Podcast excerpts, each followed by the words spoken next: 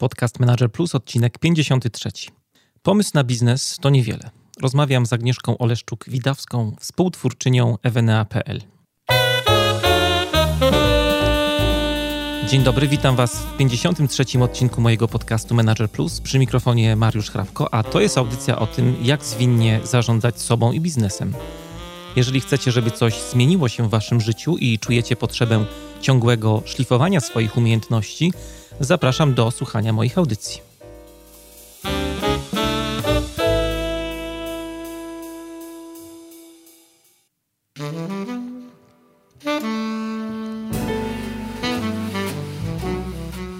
Dwudziesty szósty grudnia. Wszystkiego najlepszego z okazji świąt Bożego Narodzenia. No jakoś tak się złożyło, że ten odcinek wypada właśnie w święta. E, a dzisiaj na celowniku mamy bardzo ciekawy temat: startupy, prowadzenie biznesu, przedsiębiorczość. Do programu zaprosiłem Agnieszkę Oleszczuk-Widawską, która współtworzyła serwis ewenea.pl. Możecie ją spotkać i usłyszeć na wielu startupowych wydarzeniach, gdzie mm, opowiada o swoich doświadczeniach, dzieli się swoją wiedzą. E, ostatnio też została współpracownikiem prezydenta Roberta Biedronia w Słupsku, e, gdzie będzie wspierać miasto w zakresie nowych technologii i przedsiębiorczości. Odcinek e, szczerze polecam, naprawdę warto go posłuchać, bo jest to taka e, szczera opowieść Agnieszki o tym, jak zakładać biznes, o pułapkach, które się z tym wiążą, o tym, jak prowadzić firmę z najbliższymi, o tym, gdzie szukać pomocy, zwłaszcza e, na początku, jak dopiero startujemy. Bardzo Was zapraszam do tej rozmowy, a notatki do dzisiejszej audycji są do pobrania na stronie mariuszchrapko.com kośnik 053. Zapraszam też do odwiedzenia i polubienia mojego fanpage'a facebook.com ukośnik e, Mariusz Hrabko. E, ostatnio pojawiło się też e, kilka nowych, świeżych recenzji na iTunesie mojego podcastu. Piotr B., Jakub Siwik, Dominik Hetman. Przeczytam tylko ostatnią, żeby nie przedłużać. Doskonale prowadzony i wartościowy podcast o zarządzaniu sobą i biznesem bardzo ciekawi goście, genialne pomysły. Ten podcast rzeczywiście otwiera głowę, pazernie pochłaniam nowe i zaległe odcinki, najchętniej z rana. Dobrze nastrajają na resztę dnia. Dzięki Mariusz, świetna robota. E, gdybyście chcieli dołączyć do Alei Gwiazd iTunesowych, to we wpisie do audycji zamieściłem link do podcastu Manager Plus w iTunes, gdzie możecie zostawić też swoją sympatyczną ocenę e, tej audycji w formie gwiazdek lub krótkiej recenzji. E, bardzo mi na tym zależy, ciągle Wam o tym e, przypominam i ciągle Was o to proszę, bo dzięki Waszym głosom mój program będzie e, bardziej zauważalny w wyszukiwarce iTunes, a dzięki temu będę mógł docierać z moimi audycjami do jeszcze szerszego grona odbiorców. Z góry bardzo Wam dziękuję za pomoc. No a teraz już poradnikowo, w którym Maciek Sobol z bloga na rower.com, autor też rowerowego podcastu Koło Roweru, opowie Wam, jak dojeżdżać rowerem do pracy w zimie. Bardzo zapraszam.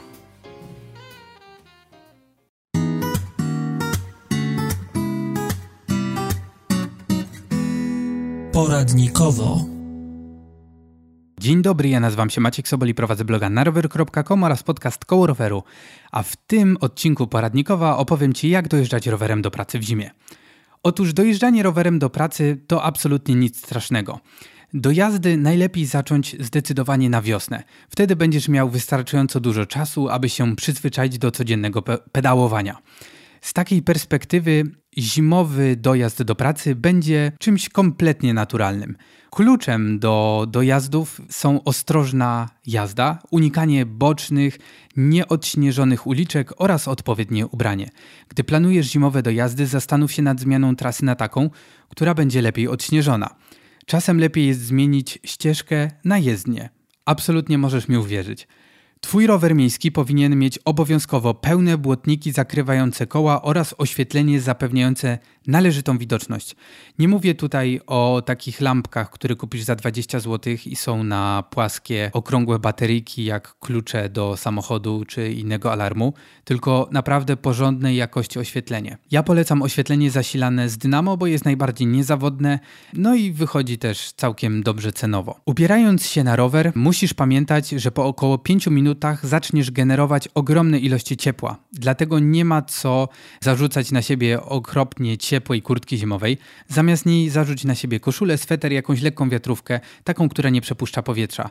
Na nogach zawsze mieć ciepłe obuwie i skarpety.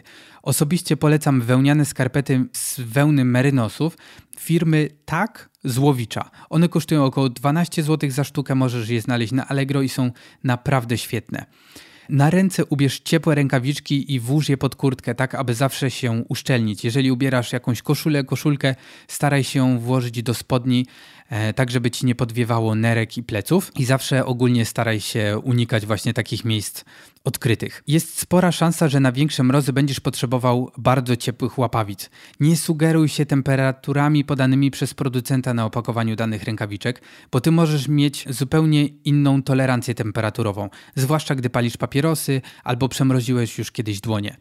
Idealnie nadają się do jazdy na rowerze rękawice narciarskie i pamiętaj, że gdy palce są razem, to jest im zdecydowanie cieplej. Dlatego jeżeli masz kupić jakieś rękawiczki rowerowe, to szukaj takich, które są trójpalczaste. One zapewniają dobry stosunek pomiędzy tym, jak jest ci ciepło, a jaką masz chwytność. Gdy jedziesz i czujesz, że jest ci za gorąco, zatrzymaj się i zdejmij z siebie jedną warstwę. Lepiej jest lekko zmarznąć niż się zapocić.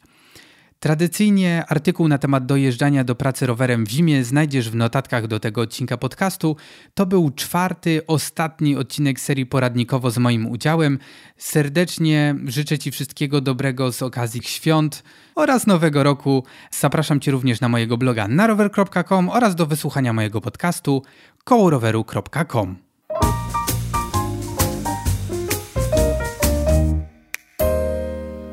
Rozmowa to jest podcast Manager Plus. Dzisiaj w audycji będziemy rozmawiali o przedsiębiorczości, o pracy z pasją, o startupach i z tej okazji do programu zaprosiłem dzisiaj Agnieszkę Oleszczuk-Widawską, e, współzałożycielkę FNI, uwalniacza marzeń również i wielu innych inicjatyw, o których będziemy rozmawiali. Witam cię Agnieszko bardzo serdecznie. Cześć, dzięki za zaproszenie. E, pamiętasz, kim chciałaś zostać jako dziecko? Miałaś jakiś pomysł na siebie co będziesz robić w dorosłym życiu? O mamo, tak, tak, oczywiście. No i co to miałam było? mnóstwo pomysłów na siebie mhm. I, i, i myślę, że właśnie to się przełożyło na moje życie E, obecne, że nadal mam tych mnóstw, ma, masę pomysłów na siebie. Mhm. To, to były różne pomysły. Oczywiście każda dziewczynka chciałam zostać księżniczką, ale to nie do końca było, było możliwe. Ale ku, później ku utrapieniu moich rodziców e, chciałam zostać korespondentem wojennym. O.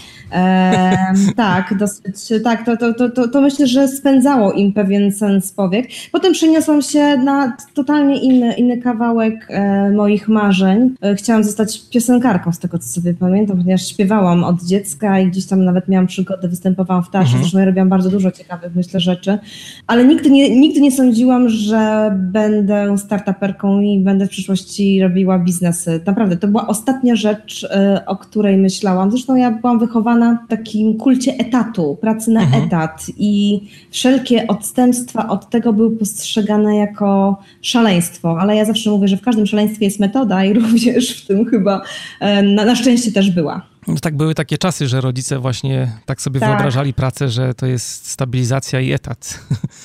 Najlepiej jeszcze, żeby to była budżetówka, tak, i, i to, to wtedy jest taki szczyt marzeń dla rodziców w przyszłości mhm. jego dziecka. Na szczęście moi rodzice edukowali się razem ze mną i, i myślę, że teraz y, już nie dostaję pytań, e, dlaczego zrezygnowałaś z dobrze płatnej pracy w dużej korporacji i zaczęłaś robić jakieś enigmatycznie brzmiące startupy. Tak? Już, już o to nie pytają. No właśnie, skoro zaczęłaś o korporacji, to może parę słów powiesz na ten temat, bo y, pracowałaś na etacie bardzo długo.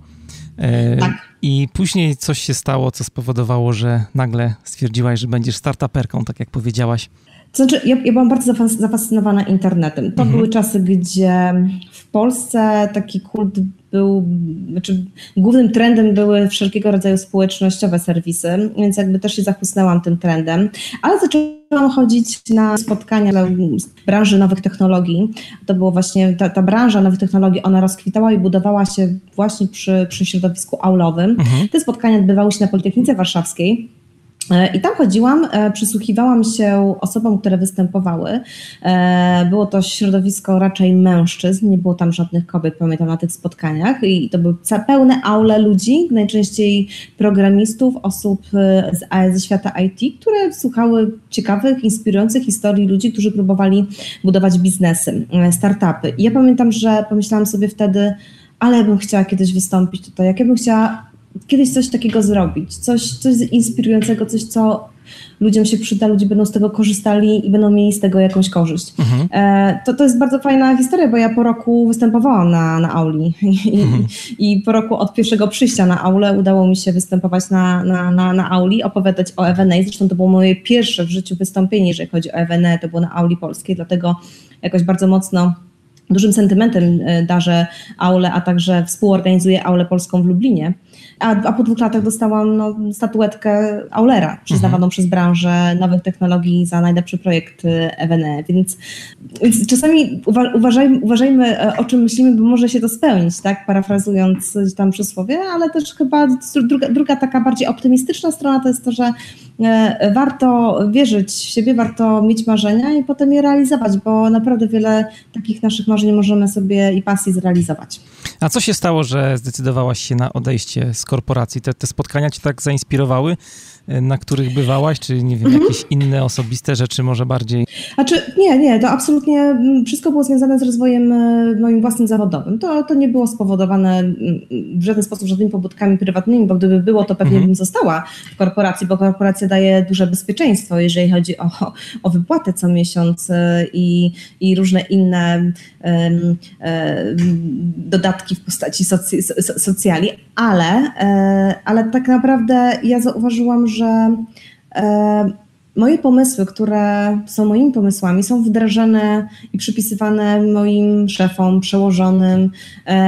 I tak naprawdę, okej, okay, mam z tego jakąś satysfakcję, ale ale kurczę, przecież mogłabym to robić na własną rękę, mogłabym, mogłabym coś robić własnego, tak? Mogłabym usprawnić e, to, co nie jest tutaj usprawnione. A akurat byłam trenerem w bankach, robiłam szkolenia, organizowałam szkolenia, więc jakby ta e pomysł na EWNE, on też nie wynikł nie wiadomo, nie, z, gdzieś tam z, z, kosmosu, tak tylko to, to była odpowiedź na realne potrzeby, które ja również sama miałam.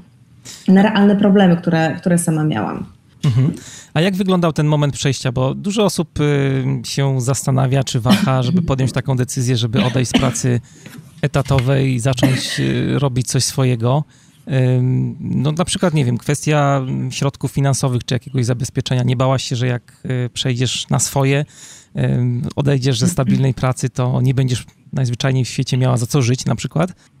E, wiesz, wiesz co, to było tak, że no ja tutaj jakby nie robiłam tego sama mhm. E, i na pewno przejście na własny biznes e, troszeczkę u mnie było podyktowane też tym, że ja mogłam sobie na to pozwolić, bo miałam męża, który, z którym podjęliśmy taką decyzję i z którym to współtworzyłam, współtworzyłam też między innymi FNE i który wtedy wziął na siebie obowiązek, jakby on został w korporacji, on pracuje, pracował, tak, a, a podjęliśmy decyzję, że e, ja się angażuję stuprocentowo w FNE, tak więc to, to było o wiele łatwiejsze. Mieliśmy też swoje jakby odłożone pieniądze, które mogliśmy zainwestować i, i wiedzieliśmy, że możemy sobie na to pozwolić, bo e, braliśmy dofinansowanie e, z Unii, to było działanie 8.1, najbardziej popularne wtedy, to był 2009 rok. I mądrym posunięciem naszym było też to, że mieliśmy oszczędności i nie braliśmy żadnego kredytu na, e, na firmę, ponieważ e, no, to działanie charakteryzowało się też tym, że te transze, wypłata za te transze nie przychodziła regularnie, też trzeba było najpierw swój kapitał wnieść, żeby móc coś ewentualnie odzyskać.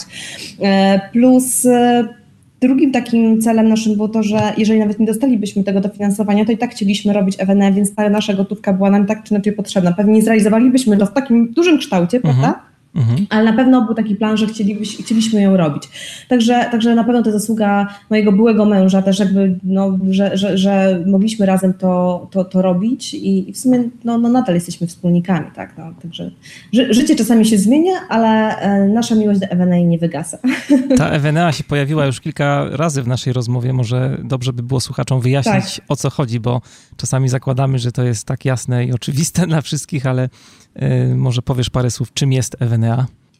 Evena jest taki mini CRM, z jednej strony mini CRM dla e, organizatorów wydarzeń. Aha. Jest to system do rejestracji uczestników, do tworzenia wydarzeń, do kupowania biletów, do zarządzania wydarzeniami, do promocji wydarzeń, czyli to wszystko, co trzeba zrobić, żeby wydarzenie doszło do skutku od tej strony administracyjnej odciąża organizatora w tych, tych trudach administracyjnych, operacyjnych i, i, wspomaga to bardzo. Ale wydarzenie to jest no, na pewno konferencje różnego rodzaju, seminaria, ale czy na przykład, nie wiem, jak sobie tak, chcę tak, 40 wszystkie. urodziny zorganizować dla żony, to też Dokładnie. mogę wykorzystać, jak rozumiem. Też tak?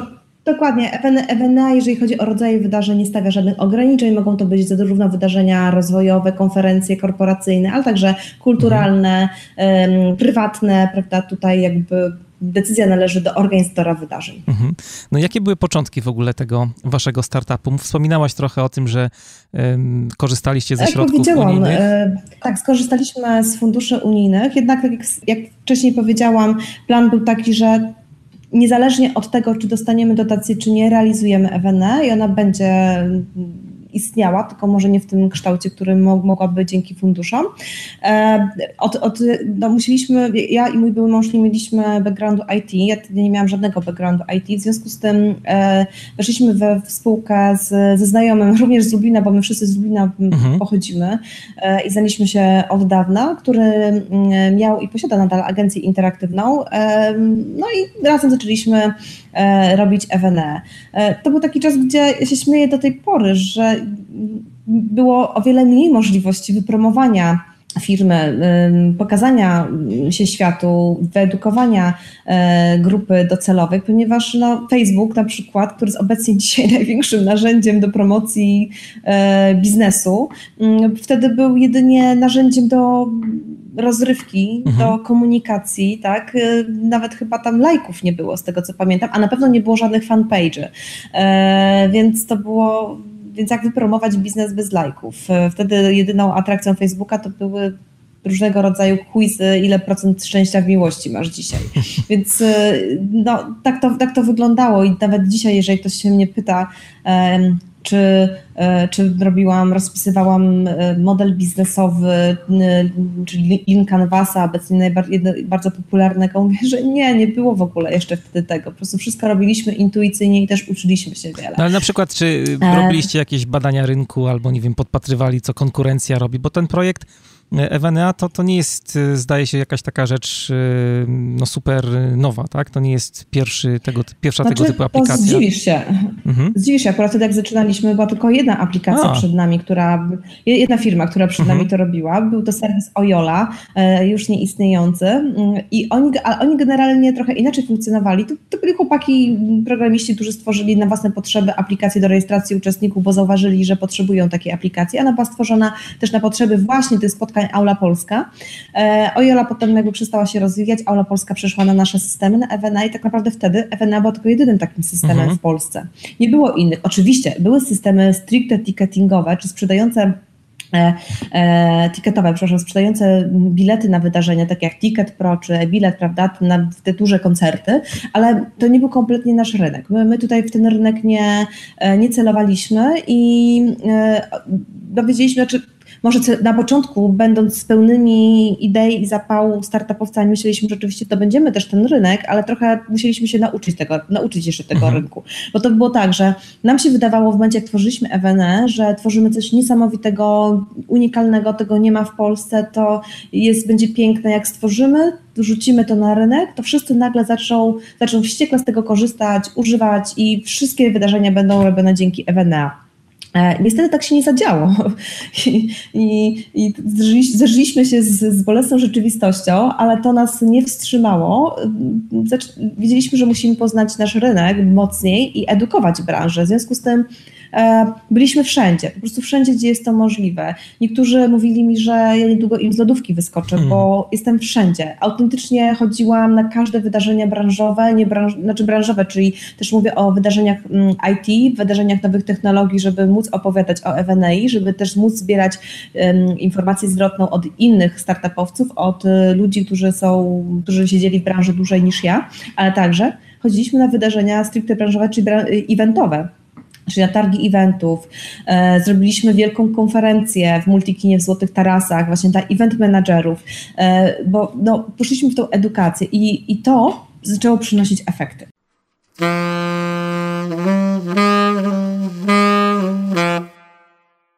A jak zaczynałaś, jak sięgniemy do początków mm, przeszłaś z korporacji, wiedziałaś w ogóle, jak się robi biznes, nie wiem, zakłada firmę, jest przecież księgowość, są przelewy do ZUS-u, y, pracownicy i nie. tak dalej? Nie miałam żadnego praktycznie doświadczenia, ponieważ e, moi rodzice byli osobami, które którzy pracowali na etat, więc u mnie w domu nikt nie był przedsiębiorcą. E, ja byłam, jestem chyba pierwszą osobą w rodzinie, która postanowiła e, pracować na własny rachunek, ale na szczęście mieliśmy w zespole kofanderów człowieka, który już miał firmę, prowadził wcześniej firmę i rzeczywiście on był naszą taką skarbnicą wiedzy.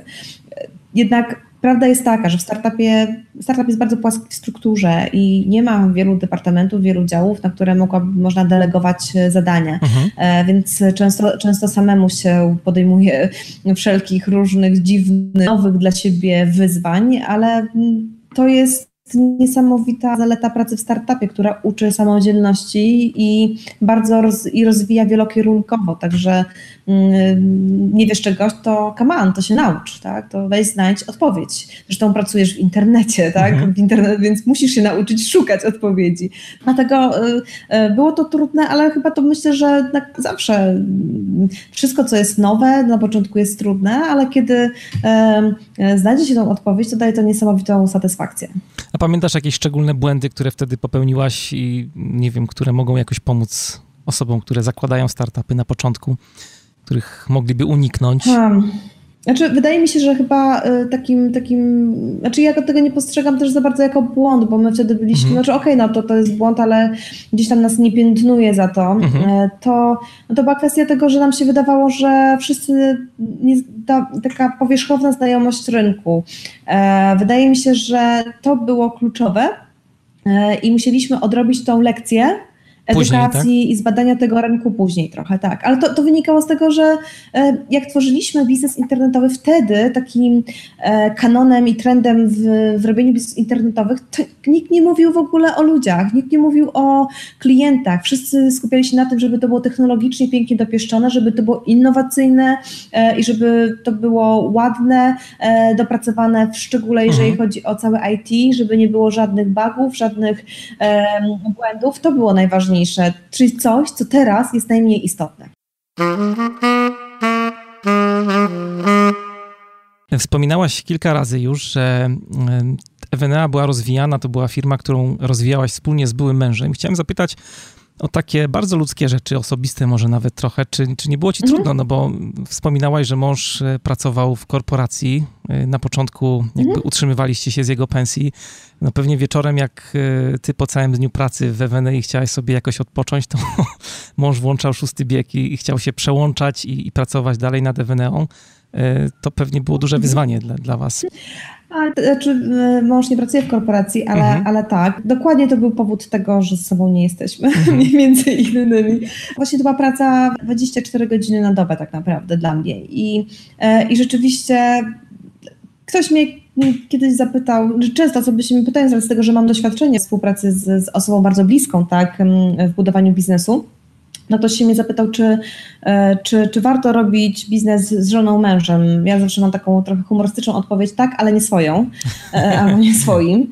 E, jednak ja bym tutaj nie, nie uogólniała i nie generalizowała. Wydaje mi się, że mm, jest to wszystko możliwe, ale mhm. przy równym zaangażowaniu obu stron. Mhm. E, bo wtedy właśnie nie ma tej takiej dysproporcji i wtedy można sobie, i dwie strony chcą mieć ten moment też dla siebie odpoczynku. Mhm. Dlatego zalecam takie zdrowe podejście do, do, do biznesu i, i też dbanie o, o, o swoje życie prywatne, bo, bo, to jest najważniejsze.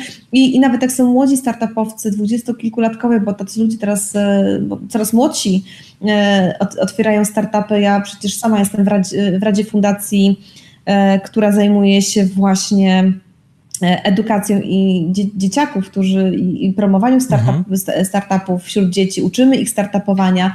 E, więc e, potem jednak po, po, po, po jakichś już tam doświadczeniach dochodzi się do tego momentu, że jednak warto jest e, nawet dla biznesu mieć jeszcze tą chwilę dla siebie. Ale to jest chyba istotne, o czym mówisz teraz, że w zasadzie jak się przechodzi do takiej pracy startupowej, na przykład z pracy etatowej, no na etacie w zasadzie jest 17 i można wszystko zostawić gdzieś tam w pracy, chociaż dużo ludzi tak, tak. nie robi. No ale tutaj jednak pracujesz na okrągło, cały czas myślisz, synapsy iskrzą. budzisz się w no nocy no i rozmawiasz tylko o tym. Jeżeli to robisz z mężem czy, czy z partnerem, z partnerką, no to y, może być to właśnie no karkołomne no bardzo.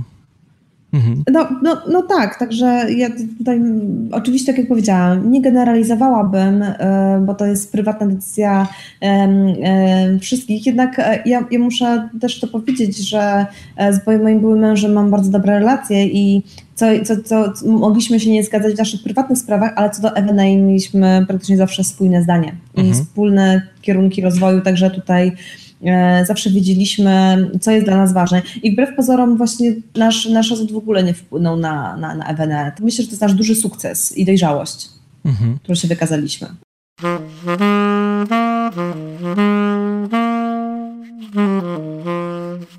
Dlaczego y, nie lubisz tak bardzo słowa porażka? Oj, y, to chyba jest jakieś pokłosie tego, tej mojej pracy w korporacji, Aha. ponieważ ja byłam trenerem i szkoliłam pracowników banków. W związku z tym e, tam był taki był, wszyscy musieli zwracać uwagę na to, żeby się, żeby stosować język korzyści, a w języku mhm. korzyści absolutnie zakazane Porażki było słowo porażka. Tak samo nie ma nie problemu, ma porażki, tak? tak? Są, chwilowe, są chwilowe trudności, ewentualnie wyzwania, prawda, zawirowania, ale ja tego nie lubię, bo dla mnie porażka jest wtedy, kiedy ja nie wyjdę z niej, kiedy ja się nie podniosę, kiedy mm, nie wyciągnę z niej żadnej lekcji. Mhm. E, to wtedy jest dla mnie porażka. I oczywiście są porażki i, i pewnie mamy ich, e, mogą się nam przytrafić wiele takich porażek, ale ja staram się z każdego ja to nazywam fuck upu, teraz to jest modne określenie, mhm. to są nawet eventy fuck up nights, na których bardzo chciałabym wystąpić, ale na, na razie jeszcze nie mam takiego spektakularnego i zawsze mówię to organizatorom, że jeszcze poczekajcie, bo jakieś się na pewno zdarzy. Przy żywotności startupów 10%, to myślę, że na pewno jakiś, e, jakiś się zdarzy. Więc wolę się, ja się wolę nie skupiać na porażce, bo znaczy ja daję, daję sobie też takie ciche przyzwolenie, jak podejmuję jakąś nową decyzję, nowy projekt chcę wprowadzać w życie że jasne, to się może nie udać, ale ja, ja tego nie rozpatruję w kategorii dramatu życiowego. To jest wpisane w biznes, to jest wpisane w, w ryzyko. I, i okej, okay, dobra, nie mhm. udało się, idziemy dalej, tak? To skupiam się na wyciągając wnioski z tego, co mi się nie udało, próbuję tego nie popełnić drugi raz. Że to drugi raz popełnię, no trudno. No. Gorzej, gdybym trzeci raz popełniła te same błędy, to bym zaczęła się martwić. Mhm. Jesteś osobą, która lubi się angażować w różne inicjatywy. Jest tego całkiem sporo, bo z tego, co widziałem, to współorganizujesz Startup Weekend i e, Aulę Polską w Lublinie. Tak. Wykładasz na tak. School of New Media. E, współorganizujesz to też Loop tak. Camp, tak? E, wcześniej była EWNA. Mhm. Jesteś kojarzona z różnymi projektami. Nie myślałaś o tym, żeby trochę mhm. zwolnić? Po co te wszystkie inicjatywy? po co ci to wszystko? Po co mi to wszystko? E, tak, zadaję sobie czasami to, to pytanie, kiedy pracując w nocy potrafię głośno zakrzyczeć, wykrzyczeć, mam dosyć tych startupów. Nie mhm. trochę bardziej tutaj żartuję, ale angażuję się w różnego rodzaju inicjatywy. To są inicjatywy mające na celu budowanie społeczności startupowej, budowanie przedsiębiorczości w Polsce. E, I tak naprawdę robię to też dlatego, ponieważ ja sama na samym początku nie miałam żadnego, żadnej wiedzy, know-how, żadnej wiedzy IT, backgroundu biznesowego. Tą wiedzę zdobywałam. Dlatego też staram się e, wspierać te miasta, które, które jeszcze nie mają tej społeczności zbudowanej i, i pomagać innym ludziom, pomagać innym startupowcom w zdobywaniu wiedzy, w pozyskiwaniu pomysłu na biznes, czy też e, środków pieniężnych, no, no różnego rodzaju supportu. E, to są ważne rzeczy i, i, i to trzeba robić. To myślę, że każdy, jeżeli, jeżeli w Polsce każdy wykorzystywałby to, co umie najlepiej, niekoniecznie pieniądze, tak, czy właśnie materialne e, wsparcie, no to myślę, że żyłoby nam się o wiele lepiej, gdybyśmy sobie nawzajem pomagali, wykorzystywali to, co mamy. Mhm. Że tak, tak działa Dolina Krzemowa i i to jest e, to, dlaczego my ciągle mamy z tym problem, dlaczego u nas nie ma tych e, jednorożców, unicornów, tak, tych mhm. firm takich spektakularnych. E, nie, nie odnosimy takich sukcesów na, na miarę Facebooka czy innych wielkich e, startupów. To dlatego, że mamy duży problem z tworzeniem społeczności i wymienianiem się doświadczeniami i pomaganiem sobie nawzajem. Oczywiście to nie jest robione z premedytacją, tylko po prostu nie mamy takiej kultury i to jest tylko i wyłącznie tego kwestia, ale to się bardzo zmienia i teraz naprawdę wydaje mi się, że E, jeżeli ktoś chce robić startupy, to jest najlepszy moment i to wsparcie jest bardzo duże w postaci zarówno eventów, jak i różnych programów e, pomagających w zrealizowaniu startupu, jak i również dotacji, czy też unijnych, e, czy, czy, czy także od strony inwestorów. A załóżmy, że y, mam jakiś fajny pomysł i chcę rozpocząć swój własny biznes. Na co powinienem zwrócić uwagę? Okej, okay, to zacznijmy od samego początku, że pomysł to tak naprawdę niewiele, tak mhm. jak śpiewał Michał Sadowski z Brand24. I ja, nie, nie, nie, nie fiksujmy się na punkcie swojego pomysłu, bo niekoniecznie on jest dobry. Najpierw najważniejsze według mnie jest właśnie sprawdzenie, czy ten, czy ten pomysł ktoś kupi, a kupi, to nie mam na myśli inwestora, ale mam na myśli e, Użytkownik, ludzi, którzy tak? mają być tak, naszymi klientami, naszymi użytkownikami. To jest najważniejsze. Dlatego ja jestem w ogóle zwolenniczką e, podejścia Lean Startup, zresztą wykładam Lean Startup mm, i filozofia, która właśnie pokazuje, zmienia, zmienia myślenie, że jakby nie zdajemy sobie pytania, czy istnieje technologia, żeby zbudować ten produkt, tą aplikację czy tą usługę, którą planujemy wdrożyć, ale czy jest otoczenie biznesowe i czy są ludzie, którzy będą chcieli z tego korzystać. Więc to jest najważniejsze. E, I więc taka, ja bym nas zaczęła od zbadania rynku, zbudowania jakiejś społeczności wokół tego pomysłu, sprawdzenia, e, czyli zwalidowania mm, swojego pomysłu. Jeżeli okaże się, że jest ktoś, jest tych osób trochę więcej, które chcą za to zapłacić i nie jest to nasza mama, nasz tata, nasz przyjaciel czy, czy dziewczyna, e, to znaczy, że można w takim razie realizować, tak? czyli zrobić coś, co jest, coś, co dodatkowo jeszcze przetestuję teraz e, ten produkt, czyli jakiś tam, czyli prototyp, tak, bo, bo to jest najważniejsze, a dopiero potem, jak już całkowicie zobaczymy, że to działa, ludzie są zainteresowani budować całość i myślę, że to jest najważniejsze, gruntowna analiza rynku i zbadanie potrzeb klienta, bo jedną z najczęstszych przyczyn upadku startupów jest właśnie e, E, to, że nikt po prostu nie chce tego mhm. rozwiązania. No ale jak to zrobić? Bo to tak górnolotnie może dla niektórych osób y, brzmi zbadaj rynek. Co konkretnie można zrobić? Takich, no, takich w sumie łatwych rzeczy, które można zastosować no, tak od to zaraz. Dokładnie. Znaczy, na przykład, jak, jak ja, ja, teraz e, jestem na etapie przygotowania nowego swojego projektu, wdrażania go, mhm. E, to, to, przede wszystkim chodzę po różnego rodzaju wydarzeniach, eventach i rozmawiam z ludźmi. Pytam się ich, co na ten temat myślą, czy by korzystali, albo czy ktoś z ich otoczenia by korzystał. To jest taka, prawda, taki wywiad face to face, ale bezpośredni, ale dodatkowo jest bardzo dużo aplikacji, w których możemy stworzyć ankietę. Naprawdę one są bardzo fajne. To, to, to, nie wiem, ja sama korzystam z bardzo ciekawych rozwiązań i w prosty sposób można stworzyć ciekawą ankietę i zbadać te potrzeby, mhm. wysyłając po prostu do do grupy docelowej. Nie wiem, nawiązać współpracę z fundacjami albo z różnymi instytucjami, które mogłyby nam pomóc rozprowadzić tą ankietę, poprosić znajomych, e, wyjść na ulicę. Naprawdę ja znam startuperów, którzy wychodzą na ulicę i pytają e, ludzi po, na, na ulicy i to, i to są, nie są dzieci podczas Startup Weekend Kids, tak, jakichś eventów, które mają zadanie to zrobić, tylko to są ludzie, którzy chcą robić biznes i po prostu moja koleżanka, ona pojechała do Berlina, wychodziła na ulicę i pytała kobiet, czy one by chciały skorzystać z jej rozwiązania. Po prostu je opowiadała. To i, i, i, tak się robi. No niestety, robienie biznesu wymaga jakby też e, wymaga od nas pewnej odwagi.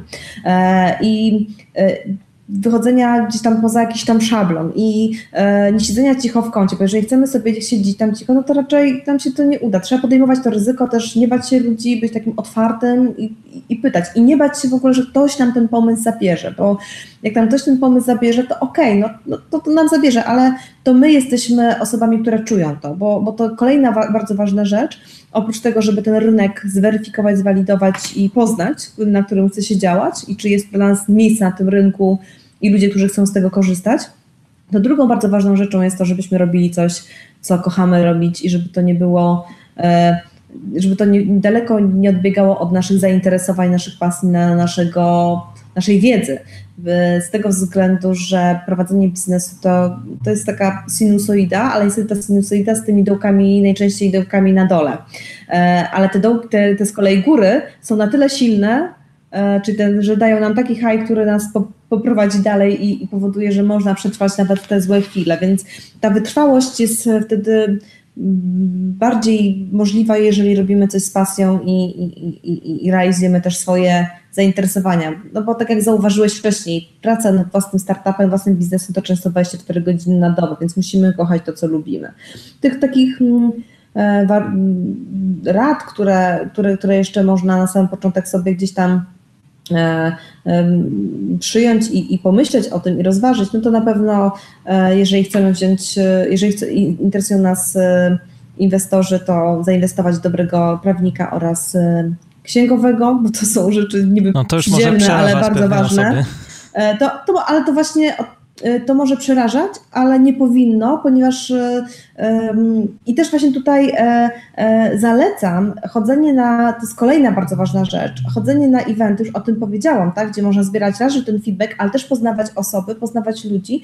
Prawnicy jakby teraz są dostępni dla każdego i są prawnicy, którzy specjalizują się w startupach i oni tak naprawdę są naszymi dużymi aniołami, stróżami i potrafią mhm. często nam pomóc. A eventy, z tego też tu są ważne, żeby poznawać ludzi, e, nawiązywać relacje, e, działać razem, e, szukać płaszczyzn współpracy, ponieważ to zawsze zaprocentuje. Jeżeli nie przy tym projekcie, który się robi, nie przy tym startupie, to przy kolejnym, naprawdę, bo mm, im więcej ludzi się pozna, im więcej większy, większa jest nasza ta sieć kontaktów, tym łatwiej nam będzie łączyć te kropki, bo, bo im dłużej będziemy coś robić, im więcej będziemy działać w tej branży, w biznesie, to tym więcej pojawi się pomysłów nowych i mhm. wtedy zaczynamy myśleć, jak to wszystko połączyć, a dzięki ludziom, dzięki tej sieci kontaktów naprawdę łatwiej jest to połączyć. I ja zachęcam do budowania własnej sieci kontaktów. Myślę, że to jest bardzo duża, raz, że skarbnica wiedzy, ale także e, to, to, to jest coś, czego się nie da wycenić tak mhm. naprawdę mhm. I, i, gwarantuje często duży sukces. A są jakieś wydarzenia, na których, które są absolutnym takim mastem dla początkujących tak. E, startupowiczów? Tak. Możesz wymienić kilka z nich? Tak, ja serdecznie polecam Startup Weekend lub w ogóle Startup Weekendy. Startup Weekendy są, jak ktoś mieszka w, w Trójmieście, to idzie sobie do Gdańska, tak? a jak w Lublinie do Lublina i w Warszawie do Warszawy. To nie ma znaczenia, bo mhm. Startup Weekend jest globalną E, globalnym eventem. Dlaczego o nim mówię? Ponieważ e, tam przychodzą ludzie różni i są ludzie, którzy mają startupy i ludzie, którzy nie mają startupów, a też ludzie, którzy nawet nie słyszeli czasami, czy słyszeli o startupach, ale chcieliby się dowiedzieć więcej. I to jest właśnie taki, taki event, podczas którego można poczuć tą kulturę startupową, wejść w ten ekosystem, poznać ludzi, poznać mentorów, dowiedzieć się, jak to wygląda, nauczyć się podstaw biznesu. I myślę, że to jest taka, w ciągu tego weekendu można bardzo dużo dla siebie wynieść. No i, no i poza tym wszelkiego rodzaju konferencje. Ja z całego serca polecam Internet Betę, która odbywa się w Rzeszowie um, oraz InfoShare, który odbywa się w, w Trójmieście, w Gdyni, w Gdańsku, przepraszam, więc um, to, są, to są miejsca, do których należy się udać, e, jak chce się robić startupy, ale tych eventów jest bardzo dużo. To zależy od miasta, w którym, w którym jesteśmy. Mogłabym e, poświęcić całą audycję na temat eventów ekosystemu startupowego, także tego jest sporo. No to może innym razem jakoś zrobimy taką audycję. Dokładnie, możemy, możemy. Powiedziałaś kiedyś, że za największy sukces uznasz moment, kiedy nauczysz się żyć teraźniejszością. Wygrzebałem coś takiego z jednego z Twoich no, wywiadów. Tak, tak. Co, co miałaś Stary na myśli wywiad. wtedy? Stary wywiad. E, w ogóle tak odnośnie starych wywiadów. Jakieś przeczytałam, że jeżeli czytając swój stary wywiad, który będzie się miało trochę inne zdanie na ten temat, Aha. to znaczy, że to jest dobrze, bo człowiek się zmienia. I co, zmieniłaś się, e... czy, czy nie? Nie, no akurat to jest takie bardzo uniwersalne. Jasne, bo, no bo to jest kwestia trochę tej porażki, o tej, o tej porażce, o której wspominałeś. Ja myślę o, o przyszłości w kategorii co zrobiłam, a co mogę zrobić i lepiej tak? I, i, I to jest tylko wtedy myślę o przyszłości, a staram się skupiać na tym, co robię dzisiaj e, i nie wybiegać też za bardzo do przodu. Mam jakiś e, e, wielki obraz tego, co chciałabym robić w przyszłości, bo, bo z reguły jak się tworzy biznes, to ma się te, te, te cele długodystansowe, tak, krótkoterminowe i te dalekosiężne. I te dalekosiężne to jest takim, takim wielkim obrazem tego, co chcę robić w przyszłości, być może jak już no, w tym wieku moja emerytura miałaby wyglądać, ale skupiam się, staram się skupiać na tym, co jest dzisiaj. Zresztą ja, ja prowadzę tak y, y, aktywny i dynamiczny mm, tryb życia, że ja nie jestem w stanie często myśleć o dniu następnym, bo mam tak dużo zajęć w dniu obecnym, mhm. że myślenie o tym, co będzie jutro, ja rano się budzę i sprawdzam mój kalendarz i okej, okay, dobra, mam to, to, to, to, dobra, no to jedziemy z tym. Zresztą w ogóle ja, ja też przybywam z ludźmi na, wokół siebie, którzy działają w bardzo podobnym e, trybie. Harmonog, trybie, trybie jak ja. I nawet dzisiaj kolega wysłał mi e, e, znajomy sobie SMS-a, słuchaj, idziemy jutro na śniadanie, a ja mówię, wiesz co, nie, jutro rano mam jogę i potem ze znajomymi się widzę, on tak, ty, a jutro jest piątek? Może nie, jutro jest sobota, miałam to samo. I, mia, I miałam to samo. I też siedziałam, on mnie pisał, siedziałam na spotkaniu i się pytam, słuchajcie, jutro jest piątek, a nie jest sobota, więc zaczęłam się śmiać, że, że, że i on też jest przedsiębiorcą, także mm, gdzieś tam, że, że myślimy, myślimy ty, podobnie, ale, ale, ale też właśnie co, co jest bardzo ciekawe, bo mimo tego, że ja robię bardzo dużo rzeczy, jest dużo tych inicjatyw, pojawiają się coraz nowe, mm, to ja po, bo teraz ja rok temu przeprowadziłam się z Warszawy do Gdyni i i to dało mi niesamowity dystans i niesamowity spokój. Także. No i może e, jest. Je, dokładnie, to może daje też bardzo duży spokój i, i powiem, że e, wbrew. Ja, ja, teraz wreszcie mam czas dla siebie. Naprawdę, mimo tego, że robię o wiele więcej niż robiłam wcześniej. To jest niesamowite.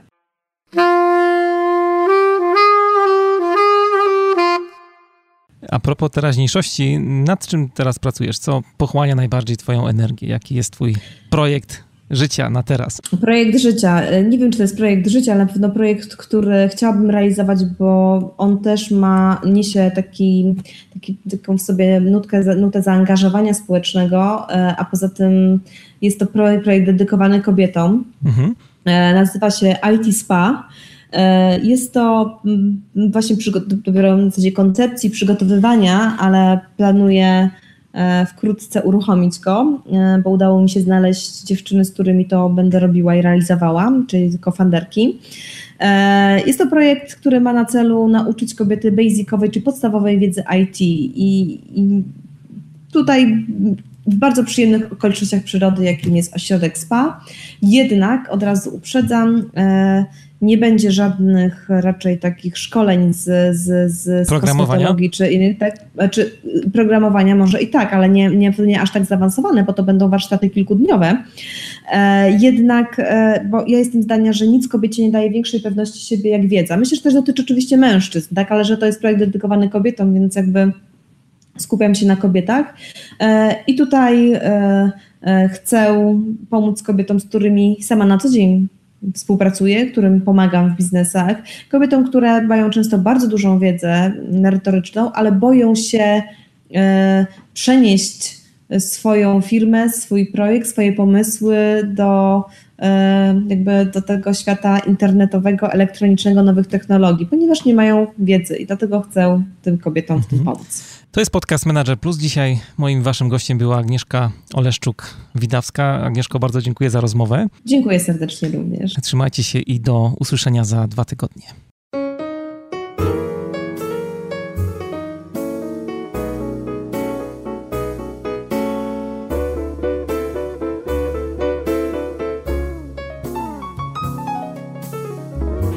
Merry Christmas, baby.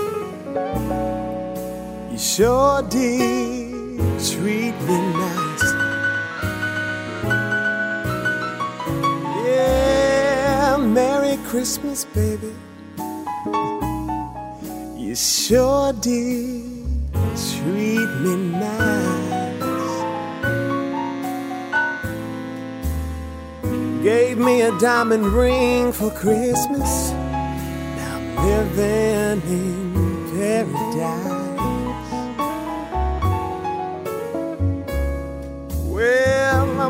Feeling mighty fine. Got good music on my radio. Well, I'm feeling mighty fine. Got good music on my radio. Well, I wanna kiss you, baby, while you're standing neath the mistletoe.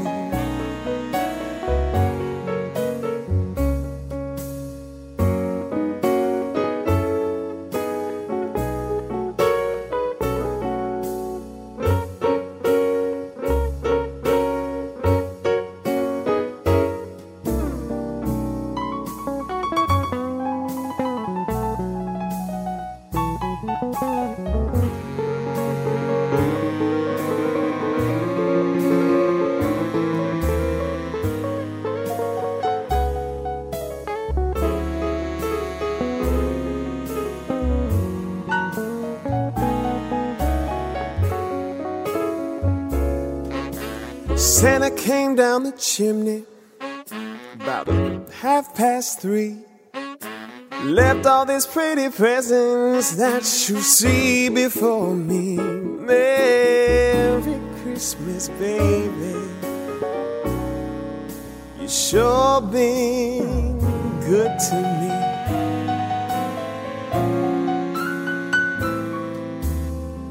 I haven't had a drink this morning lit up like a Christmas tree.